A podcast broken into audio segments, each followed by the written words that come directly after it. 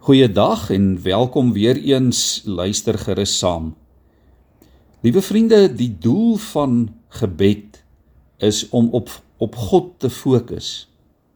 Nie om so seer op onsself of ons eie behoeftes of die wêreld of die mense rondom ons in die eerste plek te fokus nie.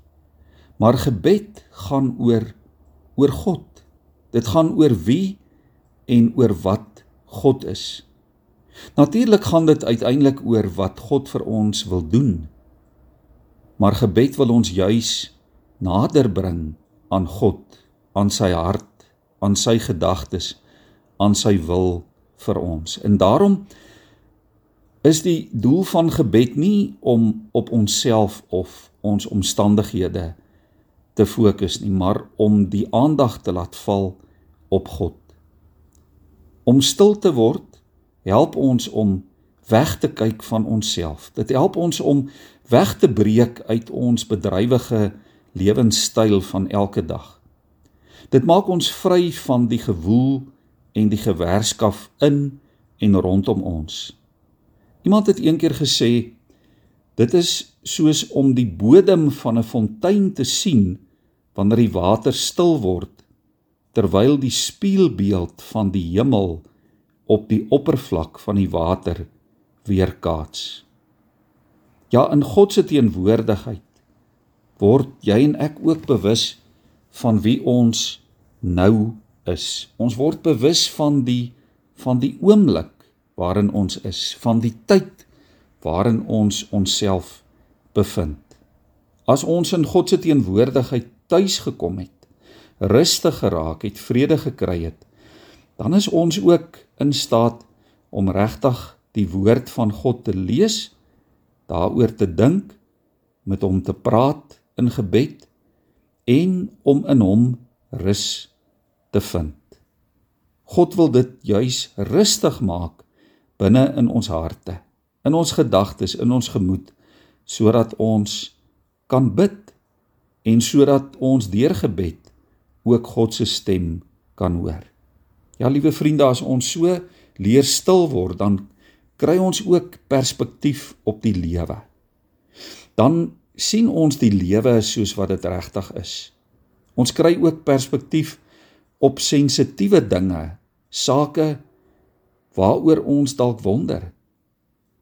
Dinge waarin ons soek na antwoorde en na oplossings, ook in ons verhoudings, ook in ons eie ingesteldheid in ons lewenswaardes. As ons so leer stil word, dan help dit ons om met nuwe insig te lewe. As ons so deur God se oë kyk na onsself en na die wêreld rondom ons. Die begeerte om in God se teenwoordigheid te wees en te ontdek wie ons regtig is, dit gee waarde, dit gee sin en betekenis aan ons lewe. Ook aan ons verhouding met die Here aan ons geestelike lewe. Ten diepste word hierdie begeerte deur die Heilige Gees binne in ons wakker gemaak. Dis baie moeilik om uit onsself en uit ons sondige natuur hierdie behoefte aan te leer. En daarom is dit nodig dat ons die Heilige Gees vra. Kom o Gees van God, kom help ons, kom leer ons om so stil te word voor die Here. In die Heilige Gees het jy en ek vrye toegang om self ook na God toe te gaan. Lees ons in Hebreërs 10 vers 19.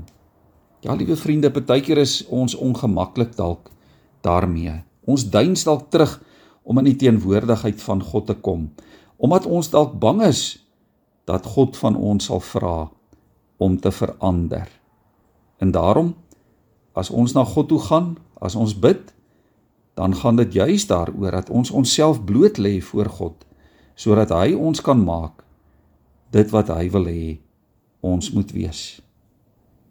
Die psalmdigter van Psalm 63 het gebid hier in vers 7.